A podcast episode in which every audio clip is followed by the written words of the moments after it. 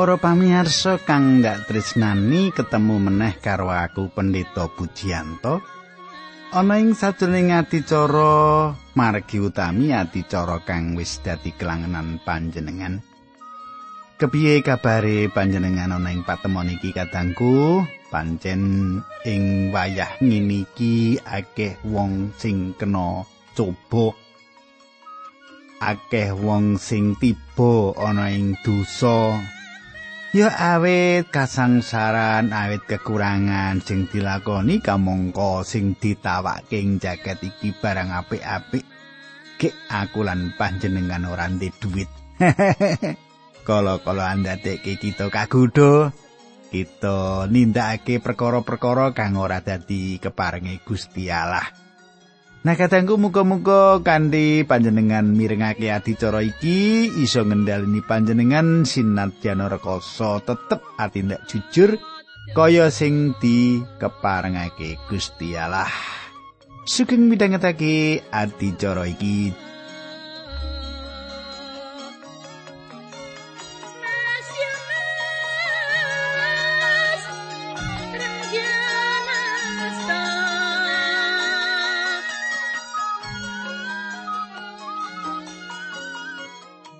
Katanggu apa panjenengan isi kelingan apa sing diaturake nalika patemon kita kepungkur kae? Beci tak baleni sinatian ngomong setitik ya.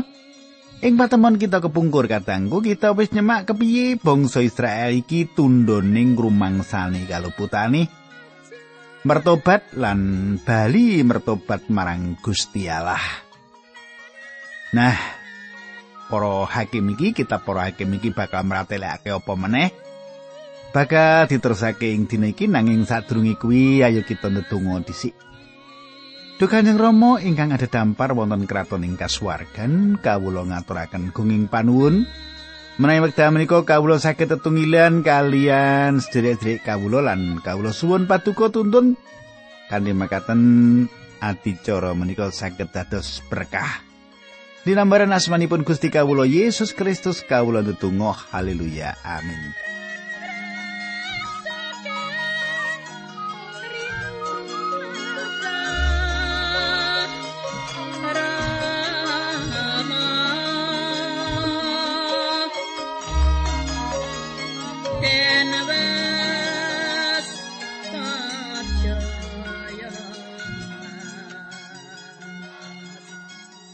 Katangku kang dak tresnani pasinaon kita saiki wis ngancik wis tekan ing kitab Para Hakim 11. Dadi panjenengan saiki mbuka kitab Para Hakim bab 11 mengkono ing basa petinan ayat 1 meratelake mengkini.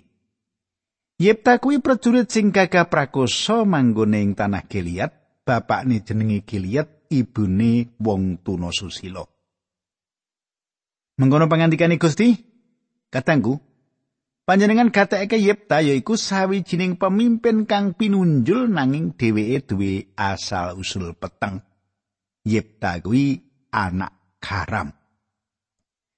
Ayat loro bapakne ya duwe anak-anak lanang liyane saka bojone sing sah.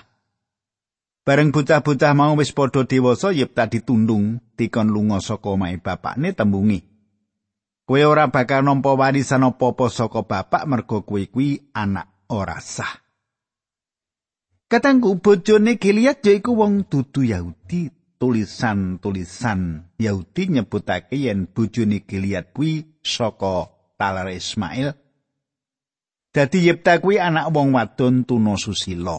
Dadi anak sing ora sah utawa anak karam sawijining cacat kang dadi tondo wiwit lahir sapa wong iku?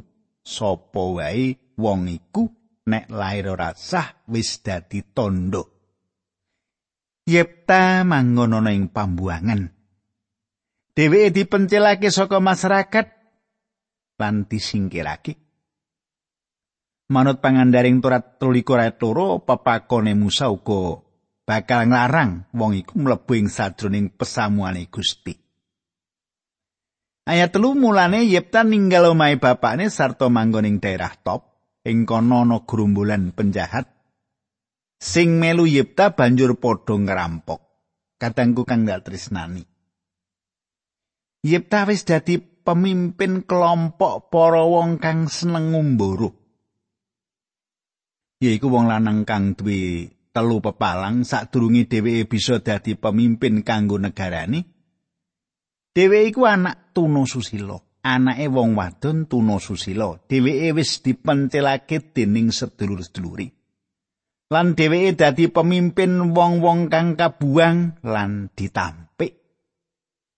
Nanging panjenengan semak Gusti Allah ngagem wong kang kaya mengkene iki. Gusti Allah milih wong-wong kang dibuang ing sakjroning jagat iki. Gusti Yesus ngasorake sarirani. Panjenengane diina lan ditampik dening menungsa. Panjenengane kuwi watu kang ditampik dening tukang bangunan nanging kang dadi watu kang baku.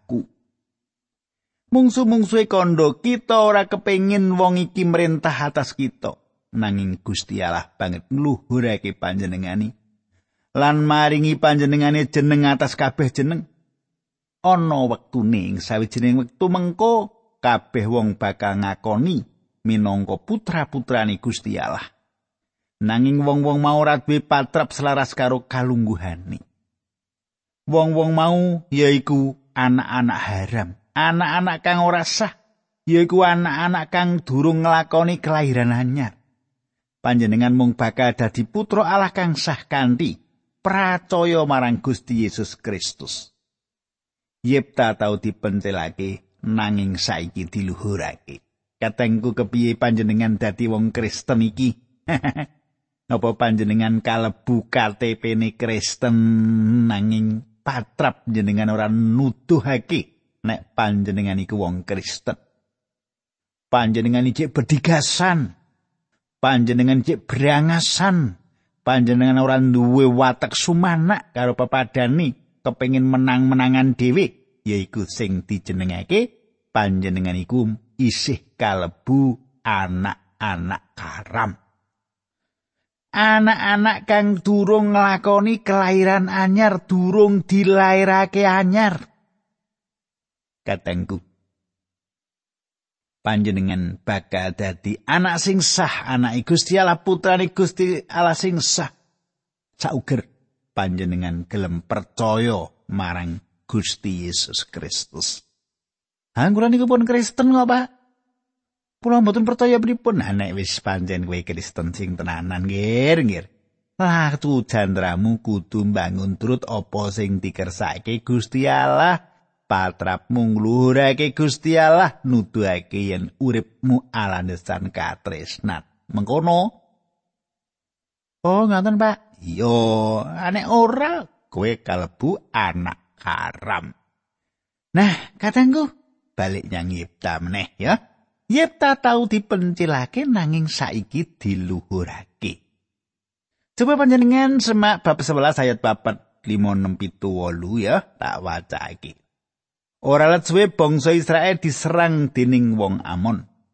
Para pemimpin Israel ing Gilead nuli marani Yipta diajak bali saka top tembungi. Ayo padha nglawan wong Amon kowe sing mimpin. Pangsulane Yipta, kowe rak padha sengit karo aku? Aku wis kok tundung saka omahe bapakku. Yo kene bareng saiki kowe nemu karepotan, kowe padha marani aku. wong-wong mau padha mangsuli tekaku mrene arep ngajak kowe perang lawan bangsa Amon lan dadi pemimpine wong Gilead kabeh. Panjenengan gatekake para pinituwa Gilead nawani sawijining usulan kang ndudut ati Yepta. Ayat 9 lan 10 pangucape Yepta. Aku kok ajak bali menyang Gilead merangi wong Amon Lan yen alah maringi kemenangan marang kita, aku arep kok dadekke pemimpinmu. Ayat 10, wangsulane wong-wong mau. Iyo, mengkono Allah dadi seksi kita. Katengku, Yipta gawe perkara-perkara dadi angel kanggo para pinituwa Gilead. Yipta gawe syarat-syarat. Nanging para pinituwa kudu ngelek anggone gumedhe lan nampa persyaratane. bener-bener ngisin-isinake kanggo bangsa kuwi njaluk marang wong kang wis dibuang. Njaluk tulung karo wong sing wis dibuang. Lan Yepta meratelake kanthi cetha banget yen dheweke kasil ngwalake bangsa Israel. Mula dhewe bakal merintah atas wong-wong mau sebanjure dheweke nguasani samubarang. Ayat 11 lan 12. Yepta banjur budal bebarengan karo para pemimpin wong Gilead. Penduduk daerah Gilead banjur ngangkat Yepta dadi pemimpin ngiras panglimane ana ing Mispa disekseni dening pangeran Yipta ngandharake perkarane marang Gusti Allah. Sawise mengkono Yipta banjur kongkonan marang Raja Amon dikontakon mekire lepat kula menapa dene panjenengan sami merangi negari kula. Kadangku menawa panjenengan maos ayat-ayat sebanjuri. Panjenengan bakal nemokake sawijining perangan kang didhawakake ngendi Yipta nuduhake cara Bani Amon teka ing tanah kuwi. Yipta nyetakake yen tanah kuwi yaiku duweke wong Israel kang entuk tanah kuwi kanthi cara kang sah. Tentu wae Bani Amon budidaya ora wae kanggo nundung wong Israel saka tanah kuwi nanging budidaya nyirnakake wong Israel. Prakara kang padha kang lagi dumadi ing Israel jaman saiki mligine wiwit taun 48 nalika Israel sepisan maneh dadi sawijining negara mungsuh budidaya nundung wong-wong mau saka kono nyirnakake wong-wong mau malah buang wong-wong mau ing sakjroning segara. Yipta menehi sawijining landesan kang mlebu ing nalar kanggo panguasane Israel atas tanah kuwi. Saiki tak teruske ayat 18 teko 29 nanging Raja Amon ora ngrewes karo ature Yipta mau. Yipta kaparingan roe pangeran banjur ngubengi tanah Gilead lan tanah Manase sarta bali menyang Mispa ing Gilead Saka kono nerusake lakune menyang wilayah Amon. Katangku, Raja Amon nampik mentah-mentah layang pernyataan kang dikirimake Yipta marang dheweke. Dadi Yipta mimpin laskare lumawan Bani Amon nanging nalika dheweke nglewati daerah Bani Amon lan ndeleng kekuatane mungsuh dheweke dadi rada wedi. Eling yen Yipta wis ngentekake wektune lawase taunan urip ing sajroning pambuangan lan sebanjuri ujug-ujug diangkat ing kalungguhan kang dhuwur banget ing daerahe. Dheweke didadekke hakim tanggapan secara kamanungsan menawa wong kang kalungguhane ujug-ujug diangkat yaiku rasa seneng kang ngidap-idapi. Ing sadurunge pambludake rasa seneng atine Yipta gawe kaul kang kesusu. Yipta ora duwe kawruh kaya kang kita duweni. Dhewe uga wong kang manembah marang brahala lan ora tepung karo Gusti Allah kanthi apik. Gusti Allah ora nuntut marang dheweke kanggo gawe kaul utawa nasar. Yipta janji ngarsane Allah menawi patuko marengaken kula ngawonaken tiang Amori. Ayat telung puluh nganti telung siji. Yipta janji ngarsane Allah menawi patuko marengaken kula ngawonaken tiang Amon. Lan wangsul kanthi wilujeng tiang ingkang medal saking griya methokaken kula menika badhe kula saosaken dados kurban hubungan kagem paduka. Kadangku Yepta kudune mengerti yen awet Gusti Allah wis mimpin dheweke nganti semono. Mula Gusti Allah tetep bakal paring pitulungan. Apa bisa panjenengan bayangake kanthi kondo? Apa wae kang metu kanggo ketemu aku bakal aku pasrahke marang Gusti? Ha menawa kang metu iku mitrane utawa tanggane? mula ora duwe hak kanggo masrahake wong iku marang Gusti. Ayat 34 nganti 35 bareng Yipta mulih menyang Mispa anake wadon metokake karo jogitan lan nabuh kentrung. Monggo buta wadon kuwi anak untang anting. Bareng deleng anake mau, Yipta banget sedih temah nyuwek-nyuwek sandangane kanda kuduh anakku nggir. Kok jebul kowe sing gawe remuk ing atiku, aku wis janji ing ngarsane pangeran sing ora bisa ndak jabel maneh. Katangku, Yipta gawe nasar, gawe kaul marang Gusti lan dheweke rumangsa ora bisa mbatalake. Pitakone yaiku apa Yipta bakal ngorbanake anake wadon. Monggo kita naliti kahanan kanthi nastiti. Kitab suci ora ngrembug bab nasar Yipta. Kitab suci ora meratelake apa dheweke bener utawa luput. Ibrani 11 ayat 32 meratelake Aku isih saguh terus cerita nanging wektune ora cukup mergo aku durung nyebut Gideon, Barak, Simpson, Yipta, Daud, Samuel lan para nabi. Dikaya panjenengan semak Yipta dilebokake ing sadroning golongan wong-wong kang ngidapi-dapi. Dawi Gusti Allah yaiku aja mateni. Pangentasan rong puluh ayat terulas. Gusti Allah uga maringi pituduh kang rada mligi kegayutan korban bocah. Kita maca pangandaring Torat 13 ayat 31. Carane nyembah brahala kuwi aja pisan-pisan kok tiru. Kanggo nyembah marang Allahmu mergo nggone manembah kuwi dikanteni penggawe rusuh sing disengeti dening Allah. Malah anak-anake padha diobong ing mesbeh digawe kurban marang brahala-brahalane.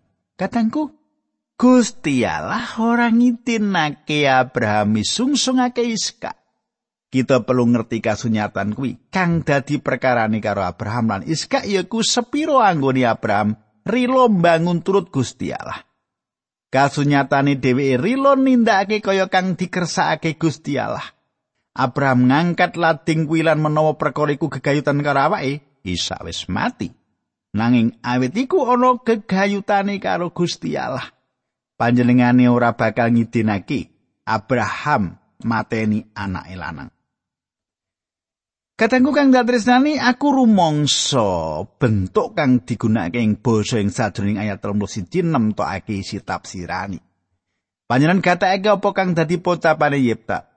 menawi paduka marengaken kula ngawonaken tiang Amon lan wangsul kanthi wilujeng tiang ingkang medal saking liya methokaken kula. Menika badhe kula saosaken dados korban obongan kagem paduka.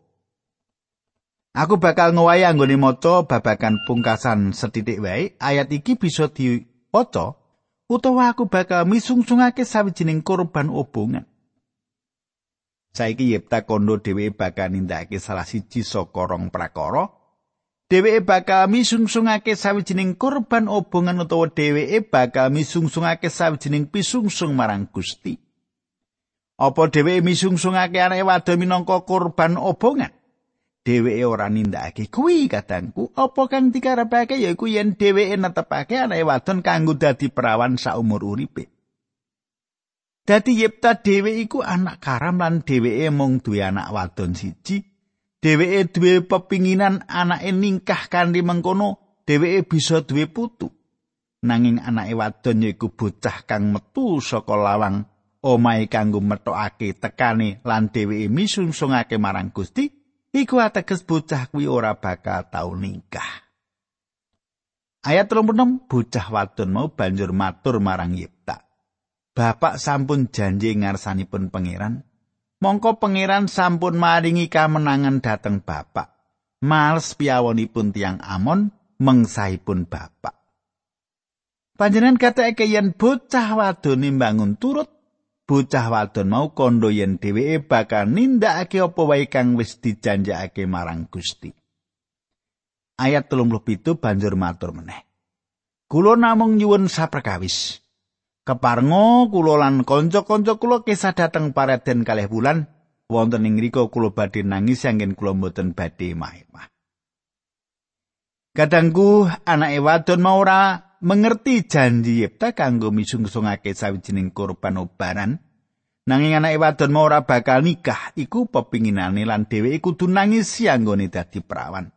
Dheweke ora bakal di calonake dadi penganten wadon marang wong lanang uripe dipisungsungake marang Gusti. Saiki tekan ayat 38, 39 lan 40 tak wacake. Bapak ning ngolehake lan bocahe nuli pamitan bocah wadon mau lan kanca-kancane banjur lunga menyang pegunungan nangisi nggone bakal ora omah-omah. Sawise kelakon rong sasi banjur mulih lan bapakne banjur netepi apa sing wis dijanjekake marang pangeran dadi bocah wadon mau nganti mati tetep ora omah-omah kuwi sebabe ing antaraning wong Israel ana padatan para perawan ing Israel saben taun padha lunga nangisi putrane Sang Yipta wong Gilead lawase patang dina sakjroning setahun Katanggu perangan iki meratelake marang kita yen anake wadon Yipta ora ningkah kosok baline dheweke masrahake uripe marang Gusti Tembung nangis sing ayat patang puluh ateges ngerayakake. Saben taun suwene patang dino, anak wadone Yipta dieling-eling ing sajening dino kang mirunggan. Yipta sawute masrahake uripe marang Gusti lan masrahake pelayanani. Ora ana pituduh yen dheweke anake wadon iku dikorbanake. Wong Swiss gawe alasan kegayutan karo lakon iki mataun-taun suweni. Aku ngaturake pitakunan iku kaya pitakunan kang liyane apa Yipta misungsungake anake minangka korban obongan? Ora. Dheweke ora nindakake nanging ora iku masalahe. Gusti Allah ora ngidinake dhewe nindakake kuwi ing sajroning kurban obongan. Faktor kang katon yaiku nyipta netepake kaule yipta ora ngremehake kaule pangandikane Gusti Allah duwe potapan kang landhep kang ora ngasorake wong kang kaul. Panjenengan gatekake apa kang dipratelake ing kitab kaimaman bab kaul nasar. Kaimaman bab 5 ayat loro papat dan 5 ayat loro. Wong sing ora jarak ngepok marang sing najis kaya batang kewan semangsa ngerti apa sing dilakoni mau dadi najis lan keluputan. Ayat 45. Wong sing sumpah tanpa dipikir bab apa sing dikandhake semangsa ngerti apa sing dilakoni mau dadi najis lan keluputan. Wong sing nglakoni perkara-perkara ing dhuwur mau kudu ngakoni lupute. Kaimaman 5 ayat loro papat teko 5. Katangku, Apike panjenengan janjake marang Gusti Allah apa kang bisa panjenengan tindakake? Gusti Allah ngendika aja kesusu maringi janji. Aja kesusu menehi janji. Panjenengan apike ngegilut luwih dhisik sadurunge kaul nasar. Aja kesusu teka menyang mesbeh lan misungsungake samu barang marang Gusti Allah. Manawa panjenengan ora ngerti apa kang panjenengan kandhakake. Yipta wong karam. ibune wong tuna susila. Dheweke duwe anak wadon kang manis lan ayu lan dheweke duwe pepinginan supaya anake nikah lan duwe anak-anak.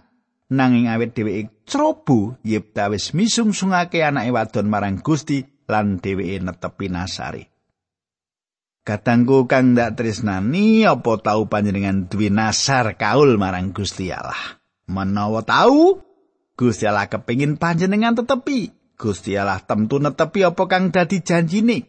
Awit saka iku, ayo kita netepi janji kita nanging Gusti kita setya. Panjenengane bakal nyantosake kowe lan ngayomi kowe saka panguasane iblis. Loro Tesalonika telu ayat telu. Yepta kudune dadi sawijining wulangan kanggo kita ing jaman saiki. Kepiye kadangku apa panjenengan uga tau nasar, Duh Gusti menawi kula saras, kula badhe ngeten.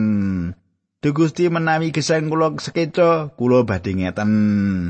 Duh Gusti menawi kula angsal bojo nika, kula badhe ngeten. nah, tetepi katangku, tetepi supaya asmane Gusti Allah diluhurake. Aja nganti lali panjenengan. Eh Gusti, wonten ingkang ngoten nggih. Kula mangkene angsal pekerjaan gaji pertama kula badhe kula pisung sae Gusti ndang wis gaji lali. Nah, tundone mung nyambut ke 6 sasi tok dipecat. Wis ta nek janji niku ditetapi Gusti mesti merkai panjenengan. Nah kadangku kula matur nuwun sanget dateng panjenengan nggih serat-serat panjenengan sing dilantarake karo aku. Wah, saya sanget nggih. Kula badhe ngaturaken salam datang panjenengan sami ingkang sampun nyerati kawula lan monggo kita ndedonga sesarengan. Dengan yang ramai swarga kawula ngaturaken kuing panuwun menawi dalem menika kawula saged sesarengan tetunggilan stretch kawula. Kawula pasrahaken wonten ing asta paduka linambaran asmanipun Gusti Yesus Kristus kawula tunggu haleluya amin